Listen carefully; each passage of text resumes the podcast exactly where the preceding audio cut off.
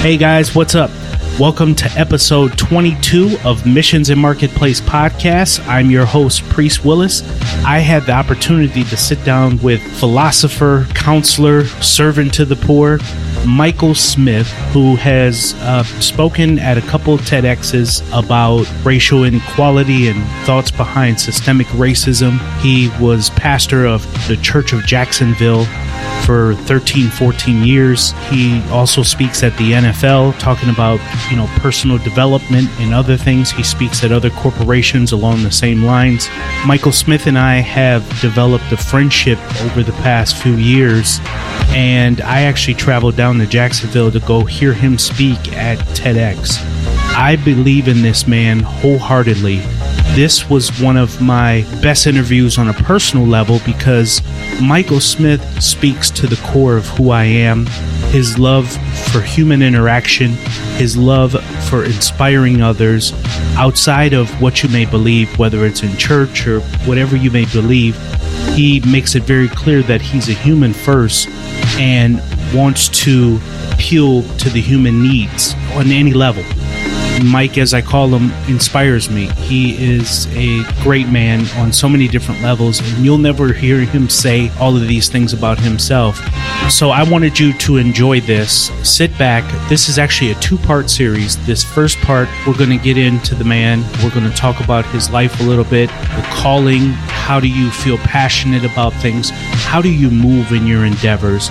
And then we're actually going to have a second part release next week where we'll continue to move on along the same lines of personal development. This is so awesome. I can't wait for you to hear it and hear your thoughts back on it. Without further ado, here is Michael Smith. Welcome to Missions and Marketplace Podcast. Join us as we talk to business and thought leaders to discuss their passions in and outside of business and how it drives them to give and be citizens of goodwill. Let's get started. Hey, Mike, welcome to the program. Hey, man, it's good to be here. Good to be here. Yeah, excited to have you. So, why don't you uh, tell the audience a little bit about yourself?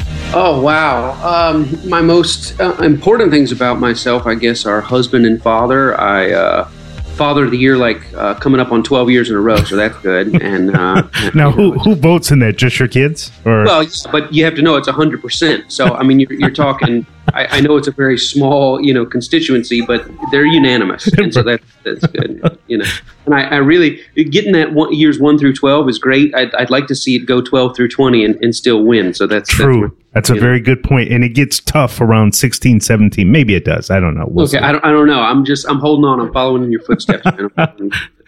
um, but yeah, I'm um, I'm a behaviorist. I'm a, I'm a student of people. I'm a storyteller. Uh, I'm a, I've been called an entrepreneur, a serial entrepreneur. I've even called a guy told me entrepreneur, which I can't believe I've never heard that term, entrepreneur. But I like uh, that.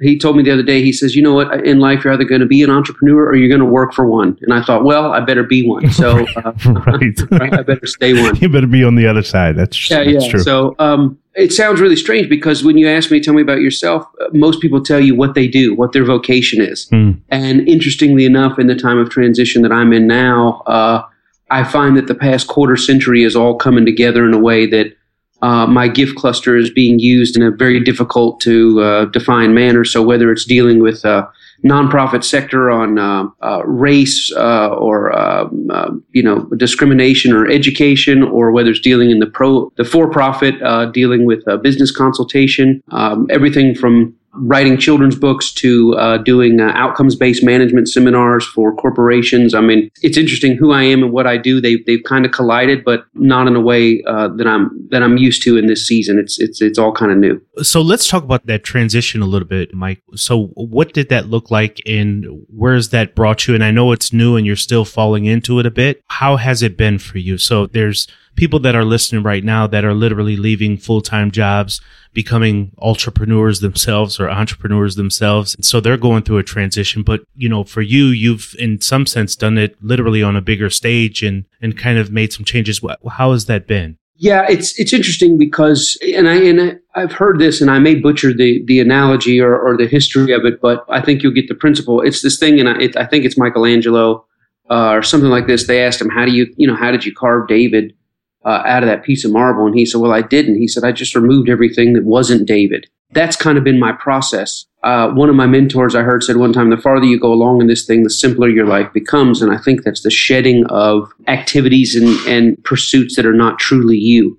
For the past 25 years, I've spent in ministry in um, you know I, of course i had for-profit businesses and everything from real estate to leasing corporations to intellectual property management things that i did but that was kind of, kind of always in the background. And i think now i'm really peeling down to the core essence of who i am and um, kind of what my life purpose my, my calling i guess you, you, know somebody might say. It's just the thing that i'm drawn to. Mm-hmm. and that is actually very liberating in the sense that you know to step away from something you've done for a quarter of a century to literally walk to nothing and say, well, you know, uh, I'm giving up all comfort. I'm abandoning the trajectory that I was on, which I was just 10 years away from, you know, just being on a beach somewhere, you know, sipping on something fruity with an umbrella and just start at zero. But it's actually not scary at all because it feels like a more uh, true, more um, pure version of me than it's ever felt. And while there is like, okay, I've got this big established steady thing that I'm standing on that holds me and my family, I'm on this dock and I've now lowered not only myself into the water, but my wife and my children in the water, and we're floating, uh, not knowing when the, where the next dock will be, what shape it will take. You would say, "Man, that's that's got to be scary." Actually, it just feels so good, mm. and I'm also prepared. You know, I 13 years ago, I went through a major transition, relocation, started another entity from scratch that was scary. This, I now have confidence that, uh, you know, what's the worst that could happen? And really, the worst that could happen is not that bad. So uh, it's it, as, as crazy as it sounds, it's actually been a lot of fun. It, makes a lot of sense. And I, I think sometimes, you know, that when, you know, because me and my wife have been in positions, uh, as I'm sure you have, where sometimes it's, it's at its funnest when you don't appear to have less or you know the safety net of sorts if you will sure. and, and i don't even mean that from a financial sense i just mean when people are relocating to new states new cities and they don't know people or they don't have the comforts that they had in the previous years sometimes it's a lot more fun than it was when everything was sort of laid out for you or appeared to be laid out. Sure, it's an adventure. Um, some people, you know, take off for a year and hike the Appalachian Trail, and they, they get back in touch, you know, with this visceral experience of simplicity and of mm. nature, et cetera. And this is similar. This wasn't, you know, I didn't I didn't do this for kicks. You know, I'm not saying, well, I need an adventure. I need to mix it up a little bit. Right. I, I, did it because I felt like I was drawn to it. But in the middle of that is uh, you peel down to the core essence of life. I got I got me, I got my wife, I got my kids, and uh, that's good whether we're at Capital Grille or that's good whether we're at you know Taco Tuesdays, and uh, you know right. uh, everything else is really scenery. That's really good stuff. So you know, I was going to ask the question here, and I think you're kind of leading into it. Again, there's entrepreneurs that are listening here. There's you know mothers that are coming home to be home with their kids. They're going to start homeschooling. They're they're building businesses at the same time. They still don't really have a game plan on how to activate their calling. And mm.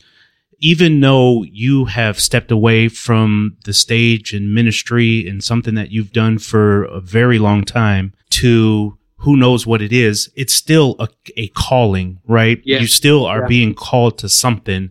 You may not know what it is, but it's still there.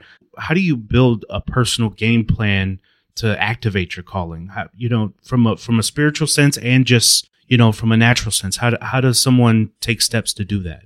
First of all, there, there's so much. I mean, we uh, we could devote several episodes to this, you know. And mm-hmm. first of all, and again, thank you again just for the privilege of being able to talk. No, I'm honored to have you. I appreciate that. Man, just you, you get me stirred up, man. When when we when we talk, I just I walk away going, wow, you know. And that's that's I, I guess that's the essence of true relationship. One, that's right. One, one of my mentors says this. He says, You don't choose your calling, you discover it. And that is something that you can't really rush or fast forward the discovery of your calling. And I have kind of gotten to this place where I think the what is actually tied into the who. It's it's knowing myself more, and and you know I, I because of my background, I'll borrow a biblical analogy. You know the story of Joseph. He leaves his father's house, and he's he ends up running this guy's estate, and he does it very well and it really prospers. And I imagine somebody coming to him at that time and he says, Hey, you know, Joseph, you're running this estate. So estate management, that's, you know, kind of always been your thing. And he says, No, not really. They say, Well, you do it so well. I mean, surely doing something well doesn't necessarily mean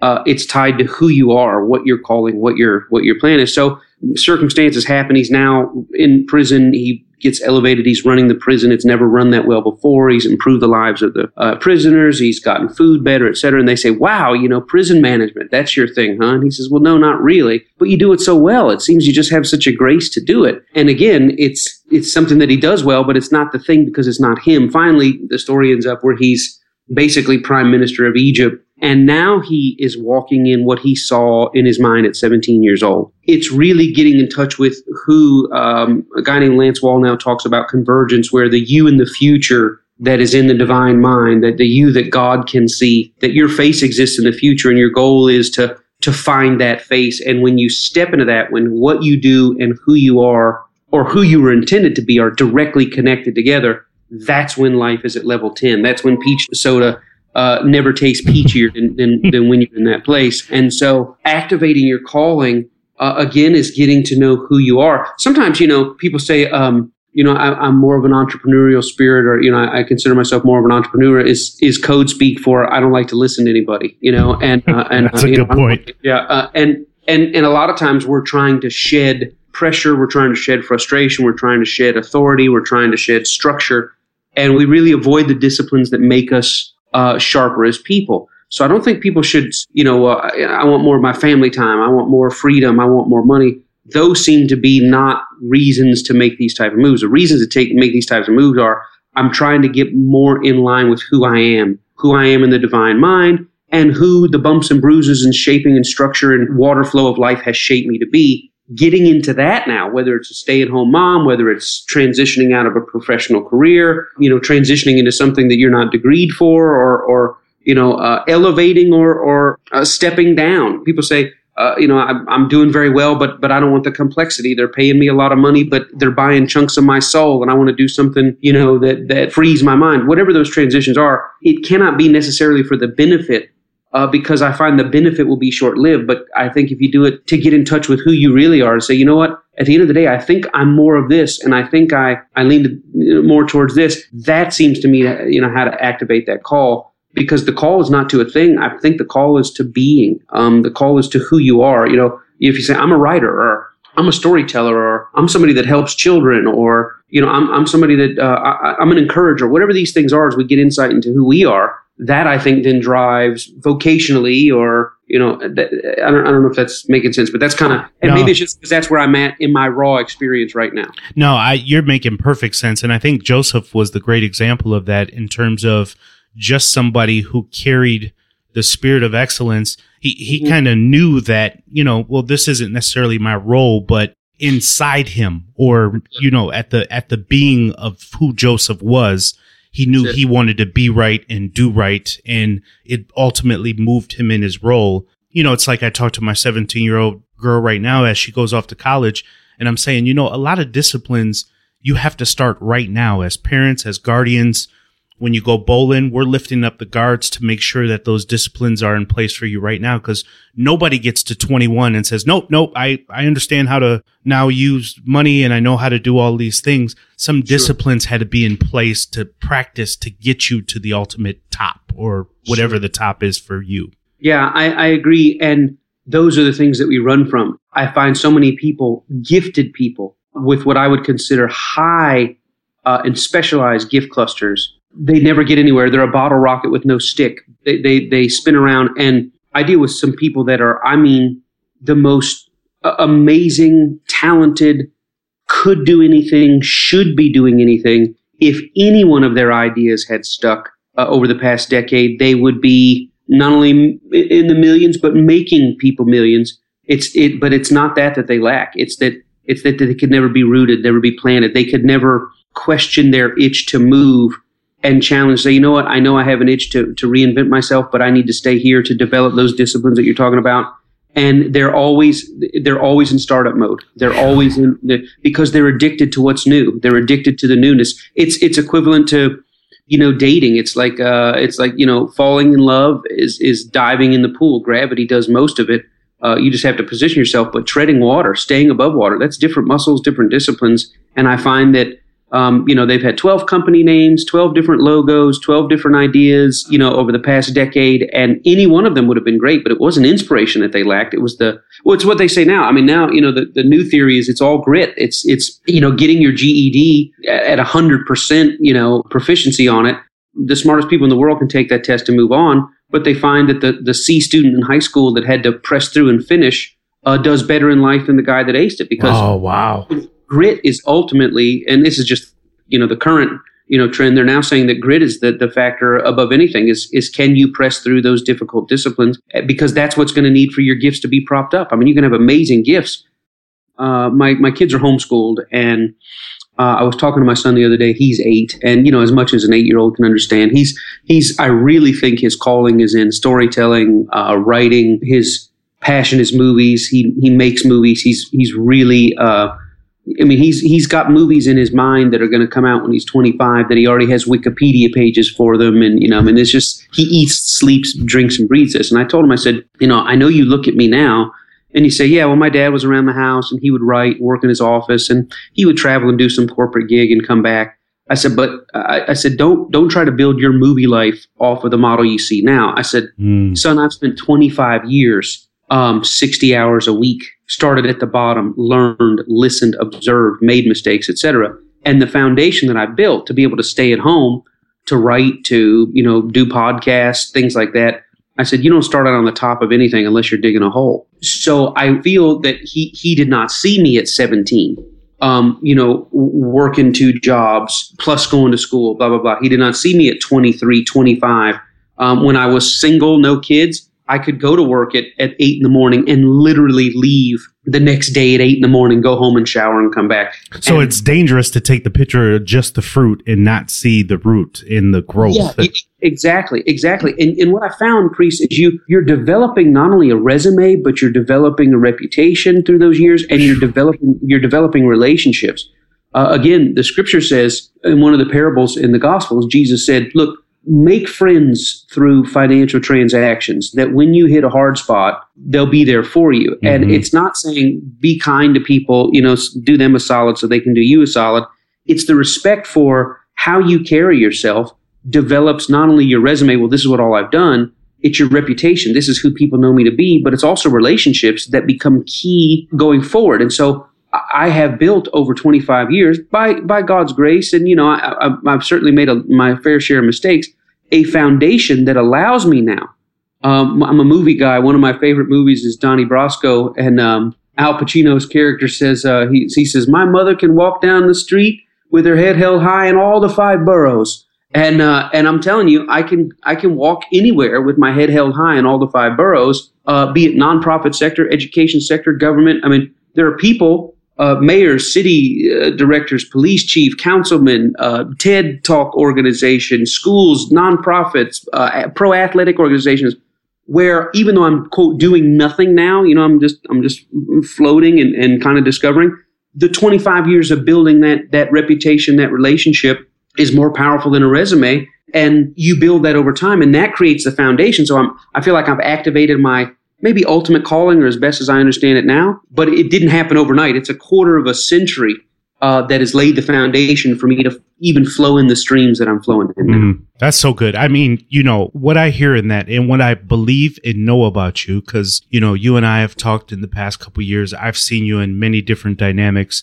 mm-hmm. is consistency and persistence has brought you to this place. Because, you know, just being honest, you know, mm-hmm. I was the C student right? Um, and yeah, my brother yeah. was the other person, the book person, and so forth and so on. But I want to make sure that we don't leave God out. Obviously, I'm a blessed sure. rich man. You are too.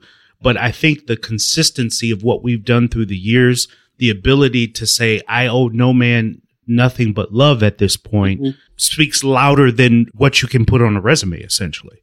Your consistency through the years of being in ministry and during the TED Talks and speaking yeah. to the, the, the NFL and your other activities, you maybe can't put some of those things on a resume per se, but it speaks loudly to the individual that you've come. And most importantly, you as a husband and as a father, you know, you can never separate these things. I always, I always tell people this, you know, you can never say in business, I'm going to just be a little bit unethical, but you know, as a father, I'm, I'm a straight shooter. You know, mm-hmm. you, you have to be consistent throughout your soul in order for it to bear out in everything that you do moving ahead. Oh, you, yeah. Alignment is essential because alignment leads to authenticity.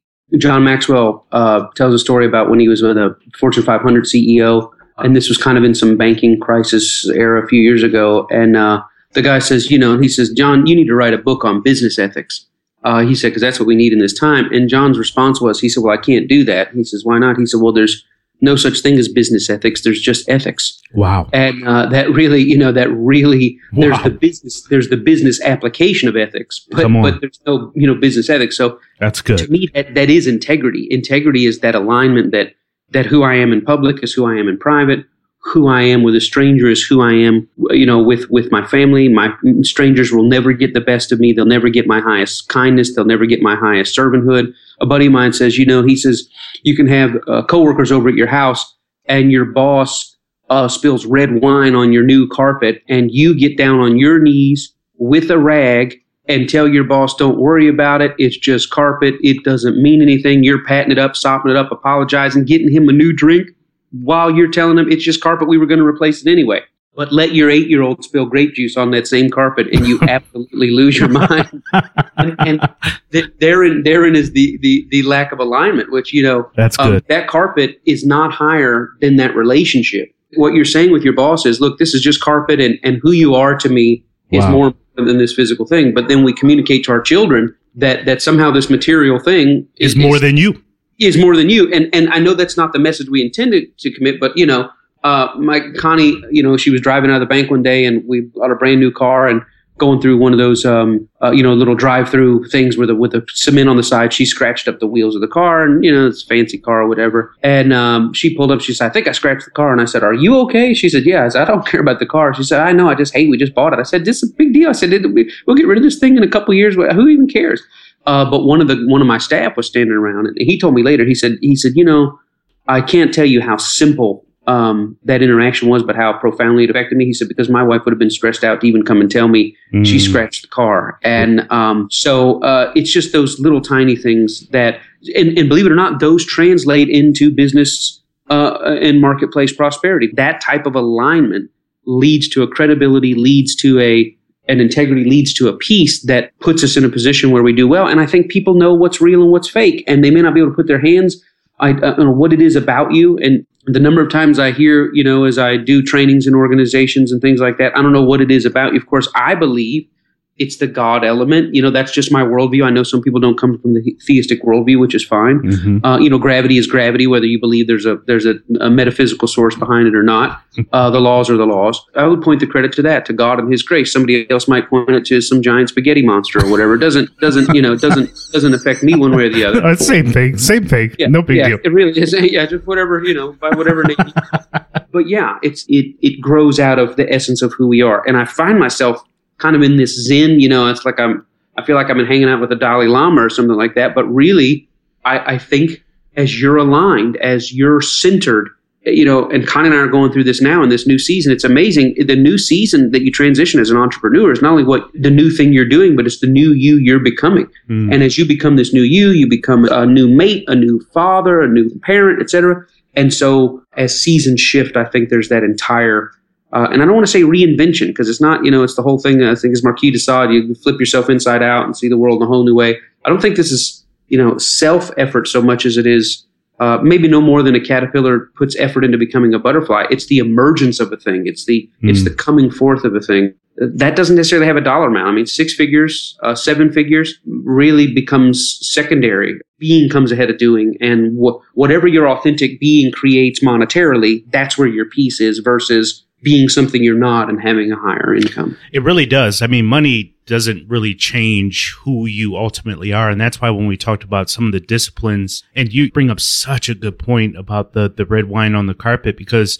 you know, familiarity does breed contempt in a lot of areas. Sure. And, sure. um, you know, I think, you know, as business people, as parents, as, as husbands, so forth and so on, we need to be really become cognizant of that, that hey, you know what? You know, you mean more to me than this this carpet or the, these wheels on the car and so forth and so on. And we tend to treat strangers better than we do people that we think we know and have loved through the years. And um, again, that just goes back to being consistent in who you are as an individual. The business eth- ethics piece is so so vital because it's it's a great point. I mean, ethics is ethics, and there's no really separation between family ethics, business ethics, or whatever. It just they sort of blur right into each other. How do you take that stuff and then influence the culture around you? I want people to hear um, how you've taken that and you've you know you did an awesome TEDx about why you don't use the N word, although I, have never heard you use it. And but it was a great racial discussion. The the bigger highlight of that. That's one part of affecting the culture. You've been in ministry. That's another part of affecting the culture. But how does someone else take all of these things that we're talking about and influence the culture around them? Being a citizen of goodwill. That's it. That's yeah. it. But there's there's a statement I heard a long time ago that you know your character is what people have come to expect from you. You want that expectation to be honorable. You know, I play a game with my kids. Uh, sometimes we play a game. I say, okay, we're going to play a game. It's called right, wrong, or dishonorable. And we go through scenarios and we say, what you know, would would this action be a right action, a wrong action, or a dishonorable action? So it's like I say, well, you work at Waffle House as, as 16 years old, and as an employee, uh, you're able to get free soda and pie. But your buddies come up and say, "Hey, Mikey, that's my son. Um, man, get me a soda." And you say, "Well, I'm an employee. I get free soda. I haven't had my soda today. I'm gonna give that guy, you know, my soda." Is that right, wrong, or dishonorable? So it's it's going through the nuances. You know, where is the theft, or where is the you know, or, or somebody didn't charge me for a soda on my on my ticket, or do do I bring it back to their attention? Do I you know so what happened if you just get the soda in your hand in one rib i mean right, just just one rib just one rib and the soda in your hand is that dishonorable or not the cup that's right that's exactly right just one rib i as a matter of fact i was at a bar- barbecue place and they had a little placard on the table and it says add a rib to any entree for one dollar and i said man we finally got the answer how much 20 years later we finally know how much one we finally know how much yeah. the one rib is while you pull out your knot of your cash exactly. okay. exactly. all right sorry about that uh, what people have come to expect from you so uh, i take that that game and sometimes i will behave in a manner uh, in a joking manner with my kids in that right wrong and dishonorable thing so Connie and I will get a bill at the table, and Connie will say, uh, uh, you know, the kids will be there coloring or uh, iPhoning or whatever, and Connie will say, "Oh, they didn't charge you uh, for your for the baked potato you ordered." And I'll say this to her: I said, "Well, if they didn't catch it, that's not my fault. That's their dumb fault. They missed it." And my kids, like a scratching record player, you know, say, "Dad, it's what they've come to expect from me." So this now leads to how how you influence others. You influence others in your home where they come to expect the honorable response. You know, one of the things my children have never heard me do is talk negatively about someone. There, there's never been a, an overweight person walk into a, a, a restaurant and or kind of go, oh my God, look at this person here. Or there's never been a, a person dressed a certain way where uh, you didn't have to walk by faith, you could walk by sight. And, and kind and I have never, you know, made a comment about, you know, um, my my son has never seen me uh, or my daughter going down the road and and um, you know looking uh, lustfully mm. at a woman or or commenting on you know and all of these things. I remember when I was younger, I found pornography in my uh, father's bedroom, and and uh, it's amazing how when somebody in authority in your life does something, how it affirms that action. This now, and I'm not making a statement on pornography one way or the other for this, but it, it's kind of like if the people that I look to for kind of a, a moral trailblazing and, and, and, boundaries, their actions either uh, confirm or confuse mm-hmm. what I've come to expect from them. So again, who you are in your authentic self spills out into influencing the culture, maybe on your job or in your department, or maybe as an entrepreneur, you got two or three staff. Believe it or not, it's what they've come to expect from you. It's it's cutting little bitty corners. If that's who you are, they will carry that out. They will. I, I, had a I had a situation where one of my employees, uh, we were doing a thing and we were we were doing part A of a contract to be about forty grand, and part B would have been about sixty grand. And uh, he said, "Well, I'm trying to get them to go down on part A by dangling part B in front of them." Uh, I said, "Well, I thought we discussed that we weren't going to use them for part B." He said, "I know, but they don't know that." And mm. my reaction in that that very moment of this guy's negotiating on behalf of my corporation knowing full well that we are not going to use this company for part B of our project, But he says, yeah, but I'm trying to drive down the price because they're hoping to get Part B, but we've already decided internally we were not going to put that $60,000 in business in their pocket. How I respond to that, influencing culture starts right there at that table. And I looked at him right and I said, no, that's, and I didn't say, don't do that. That's not what we do. I said, that's not who we are. It, sadly enough, come to find out, even though we had that conversation, he went back and, and actually did it. And, uh, and the thing came around six months later, and I said, Well, we need to figure out about this. He said, Well, you know, I have those people on the line because I told them we might send that work that way. And I said, No, I thought we agreed not to do that. Well, this creates another question for me about culture. Have I created a culture of performance and of, of going lean where an employee feels like they get a pat on the head for saving money to the point that they would be willing to compromise the integrity of the organization to get it? So I constantly have to look back at myself and say, Who am I? What am I putting out? And my greatest influence is in that character what people have come to expect from me. You know uh, you and i when we got on the podcast today i was a few minutes late. I'm technologically not the you know i'm i'm maxed out today priest. I want you to know. I mean i've absolutely hit the, anything beyond this. I need the guys from best buy to help me here. Um, but um if if i'm five minutes late if i'm always five minutes late it's it's out of character for me to be early. And people are surprised. They say oh my gosh uh, you know, it's not like what what's wrong? Well, you, are here you're here at nine fifty. You're usually not here till ten minutes late. Uh, we, that's not what we've come to expect from you. At the same time, if I'm always on time and I'm talking to you and you say, you know, Mike was supposed to meet me for coffee. He's 10 minutes late. That's not like him. Mm-hmm. So it's what people have come to expect, and we can train that honorably or dishonorably. So now it spills to TED. Now it spills to race. Now it spills to what, you know, this outcomes driven management uh, thing that I do where I where I try to partner organizations. I say, look, you're, you're objective driven, which is awesome. But the people flowing in and out of your stream of your corporation, people that work with you for six months, six weeks, six years, what is the outcome of their lives? You want their lives to be richer as human beings while they were advancing your organizational objectives. All of that streams out of uh, out of that type of character and that type of uh, I- internal consistency. So the fact that you know I talk on race, uh, being uh, melanin challenged as I am, uh, you know, and say, well, who, you know, what gives you credibility or who are you to talk about this? You have to look around my life. Just take a snapshot of my life, and all of a sudden, you know, okay, well, you know, I never say there's no. I would never say, well, you know, I know what it's like to be black. That's not true. And you know, and someone say, well, you don't know what it's like to be black, so you can't make comments. Well, I, I would say that's true. I, I will stipulate that that's a possibility.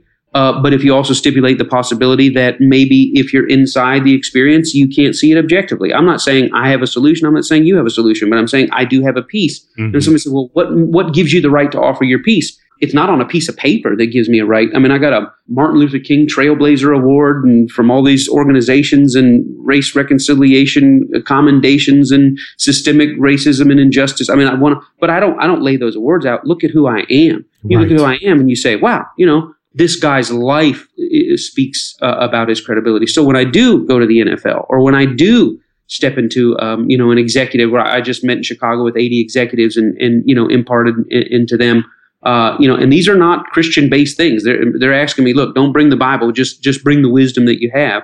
Um, it's what you observe in my life. It's what you come to know me at the coffee you know pod it's what you come to know me uh, you know on my Facebook and social media. That the character streams from there and thereby the cultural influence. And whether that's culture of my dinner table, culture of my own organization, culture of another organization, or the culture at large, it all streams out of that. Uh, it's, I'm telling you, and I know I'm harping on this, it's being before doing. When, when who you are drives what you do, uh, that alignment comes, and I think that's where the real effect is. Hey guys, I hope you've been enjoying today's podcast.